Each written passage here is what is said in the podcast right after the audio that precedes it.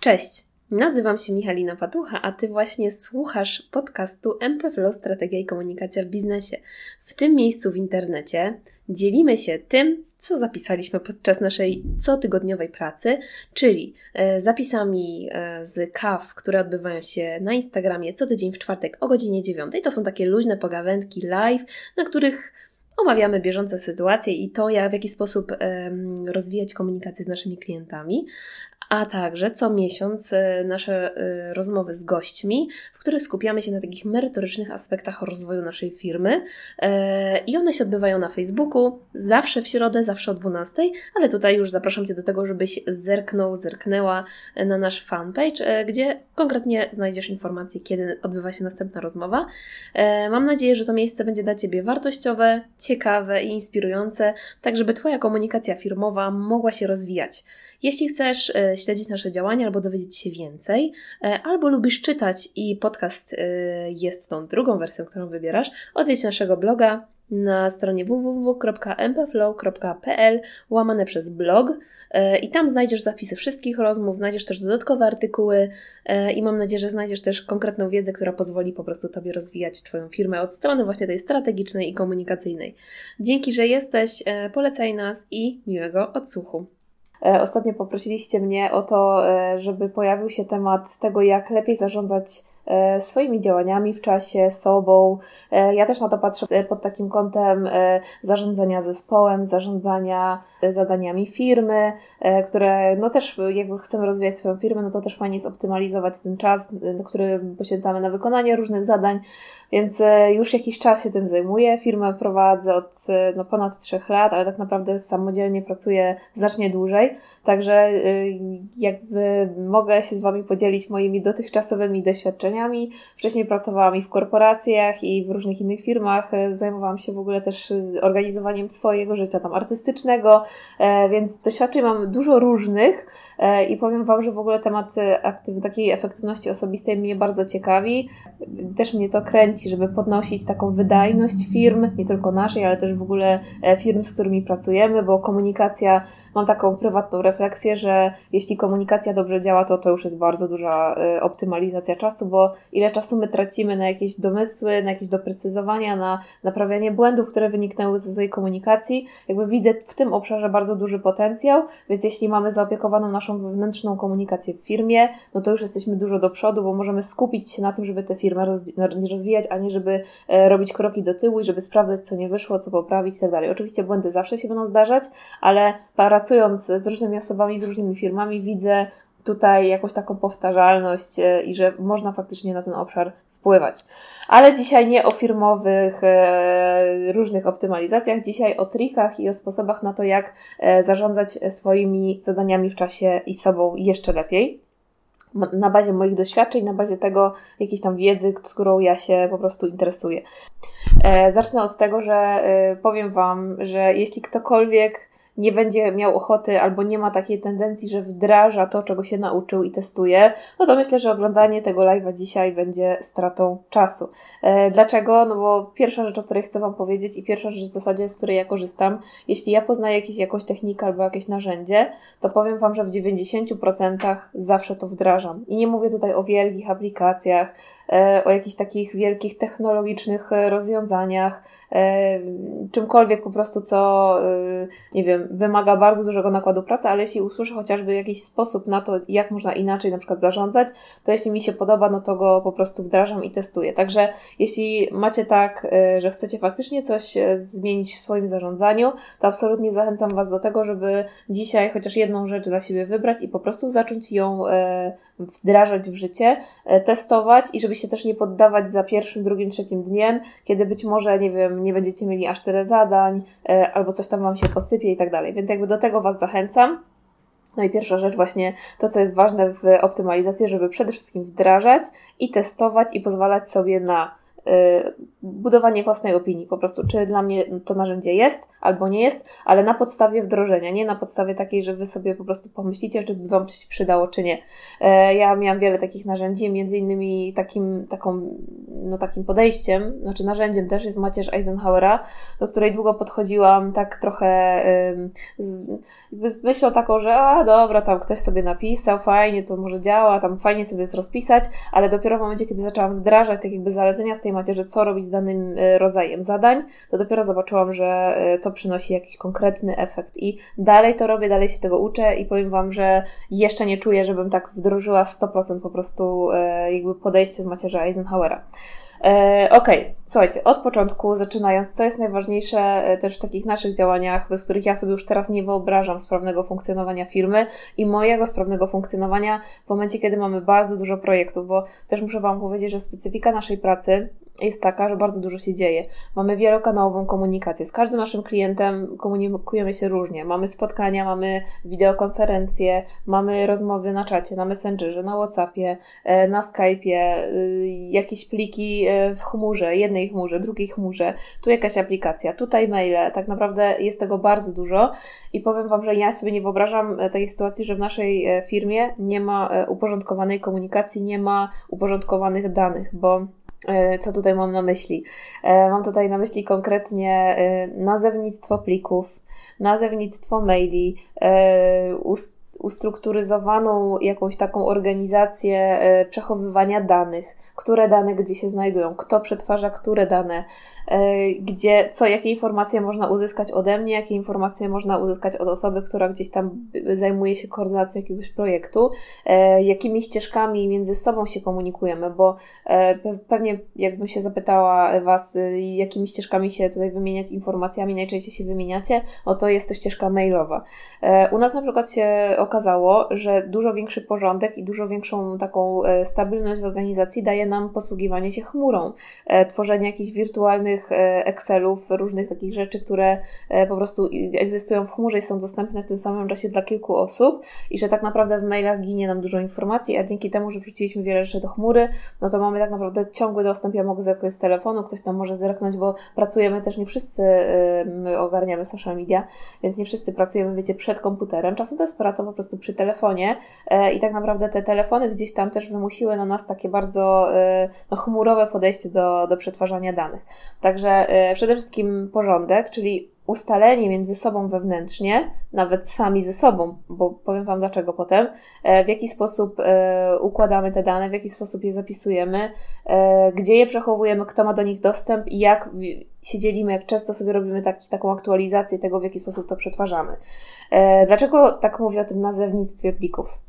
E, nazewnictwie plików, nazewnictwie maili. E, ja pracowałam kiedyś w takiej firmie, która się zajmowała w ogóle produkcją, e, przetwarzaniem metalu i powiem Wam, że coś, co było dla mnie tam wtedy bezsensowne, to były sygnatury. Tam były akurat sygnatury reklamacji, sygnatury zakupów itd., tak itd. Tak to po prostu nadawane numery w kolejności, zgodnie z miesiącem, zgodnie z rokiem, po to, żeby gdzieś tam numerować. Dla mnie to było, że ach kurczę, wymyślili sobie sygnatury. Trochę się z tego podśmiewałam, ale powiem Wam, że z perspektywy czasu my sami wprowadziliśmy sygnatury do projektów. Może to jest dziwne słowo, ale chodzi o to, że po prostu e, jest jakaś taka logiczna chronologia w numerowaniu e, czy maili, czy projektów, e, czy nazw klientów, tak, żeby gdzieś, nie wiem, przetwarzamy dużo zdjęć, przetwarzamy dużo tekstów i tak dalej, i tak dalej. I żeby się w tym wszystkim nie pogubić, żeby gdzieś w tych mailach potem odkopać na przykład coś, co było pół roku temu, no to ja wiem, że jeśli mój klient ma jakiś kod, tak? Czyli coś, co określa danego klienta. E, szukam czegoś z roku 2020, albo szukam czegoś, co było dedykowane pod Facebook, albo dedykowane pod Instagram, no to wtedy mój plik, ten, ta moja nazwa tego pliku e, zawiera e, te elementy. No i dzięki temu mogę tak naprawdę bardzo szybko to odnaleźć, nawet jeśli to było wysyłane ma mailem, albo jeśli to jest gdzieś na dysku wirtualnym, albo gdzieś na dysku stacjonarnym. E, I tak naprawdę e, to, do czego ja Was zachęcam, to może nie do wdrożenia jakiejś sygnatury czy nazewnictwa jakiegoś konkretnego na podstawie mojego nazewnictwa. E, zachęcam Was do przyjrzenia się Waszym najczęściej przesyłanym informacjom, ile tego jest, którymi kanałami to przesyłacie i zastanówcie się, czy gdzieś w jakichś miejscach, e, drogach e, pojawia się jakaś powtarzalność, e, czy może z kimś częściej się kontaktujecie, albo z kimś bardzo często wymieniacie te same informacje i gdzieś Wam to umyka i warto byłoby się zastanowić po prostu, co można tam zrobić, żeby tak, po pierwsze nie wysyłać do siebie ciągle tych samych informacji, być może wrzucić to w chmurę, albo jeśli macie problem ze znalezieniem czegoś, co było tam pół roku temu, rok temu, potrzebujecie, nie wiem, odkopać jakieś wcześniejsze zdjęcie, starszą informację, sprawdzić, czy się nie pomyliliście, to może warto też wprowadzić, żeby każdy mail na przykład zawierał jakąś informację, która go y, jakby przyłącza do danego projektu.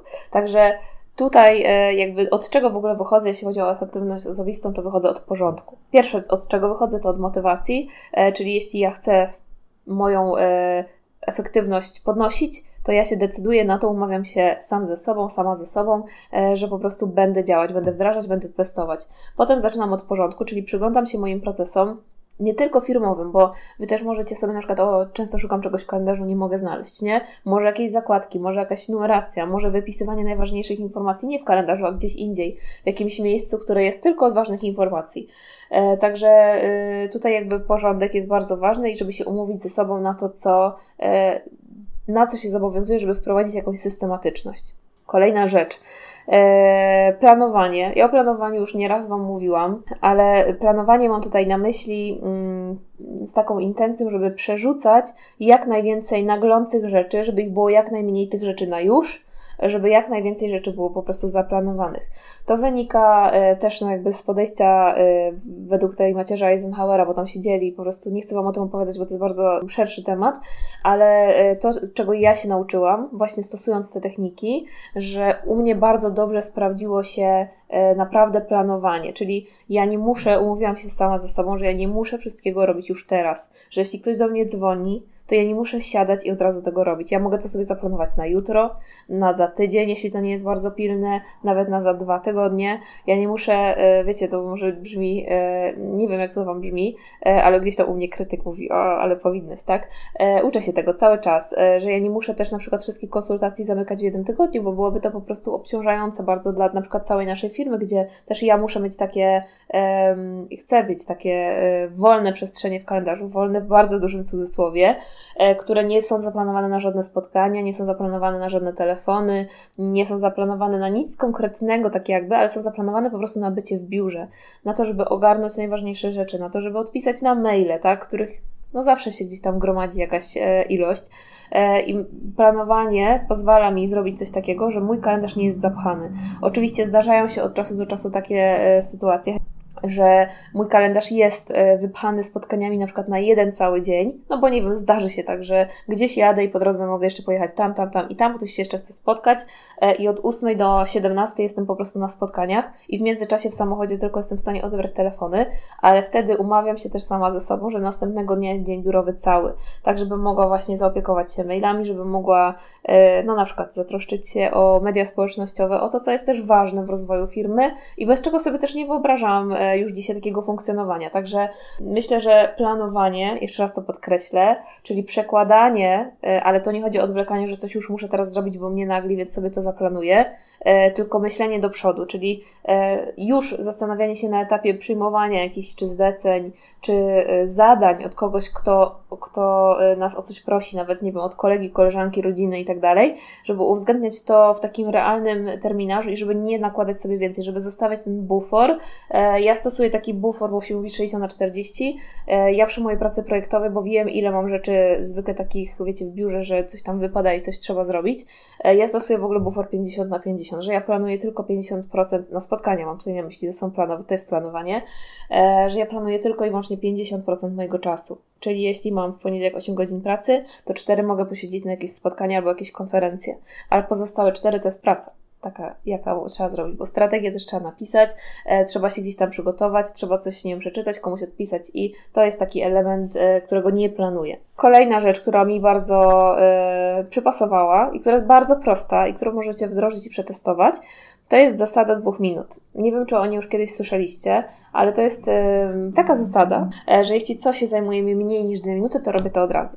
E, I powiem Wam, że takich zadań wcale nie ma dużo, nie jest dużo. Ja się na przykład zaskoczyłam, jak bardzo ta zasada mi usprawnia moją pracę. Pod tytułem ktoś pisze jakiegoś maila i potrzebuje, żeby mu tylko coś przesłać ode mnie, to wymaga wyszukania w, mail, e, wyszukania w folderach i załączenia do maila. To jest zasada dwóch minut. Bardzo szybko potrafię to znaleźć. I tutaj też powiem Wam, co się dzieje, co się działo, kiedy tego nie robiłam. Potrafiły mi się piętrzyć sprawy, bo też Wam powiem o jeszcze jednej rzeczy, za chwilę a propos porządku, bo zapomniałam, a sobie tego nie zapisałam, dlatego zapomniałam. A propos tej zasady, piętrzyły mi się maile. Po prostu miałam nagle, nie wiem, ja w ogóle jestem bardzo taka, wiecie, bardzo lubię mieć w skrzynce mailowej porządek. E, I generalnie miałam taką sytuację, że po prostu miałam nagle taką liczbę maili, że naprawdę miałam taki chaos w głowie, nie potrafiłam wybrać, e, co teraz mam zrobić, za co teraz mam się zabrać.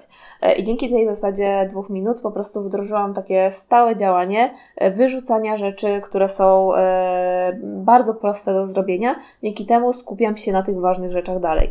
Bo zrobienie sobie przerwy dwie minuty tak naprawdę nie rozwala naszej pracy. Oczywiście to nie jest tak, że musicie zrobić to od razu, ale zrobić to na przykład w ciągu, nie wiem, 10 minut, bo ja na przykład też czasem tak robię, że piszę jakiś tekst, chcę go dokończyć, ale widzę, że przyszedł jakiś mail, wyrzucam powiadomienie, ale wiem, że za chwilę do tego siądę i zrobię to od razu, żeby sprawdzić po prostu, czy nie muszę tego, czy mogę to wyrzucić. E, więc jeśli mogę coś zrobić, co trwa mniej niż 2 minuty, to robię to od razu i dzięki temu mam mniej e, rzeczy naglących potem, tak? Bo zwykle rzeczy proste e, to też są dla naszych klientów takie dosyć ważne na już. E, dziękuję Wam bardzo za dzisiaj i zapraszam e, do kolejnych odcinków naszych kawek, podcastów na stronę internetową. Do usłyszenia, do przeczytania. Pa, pa.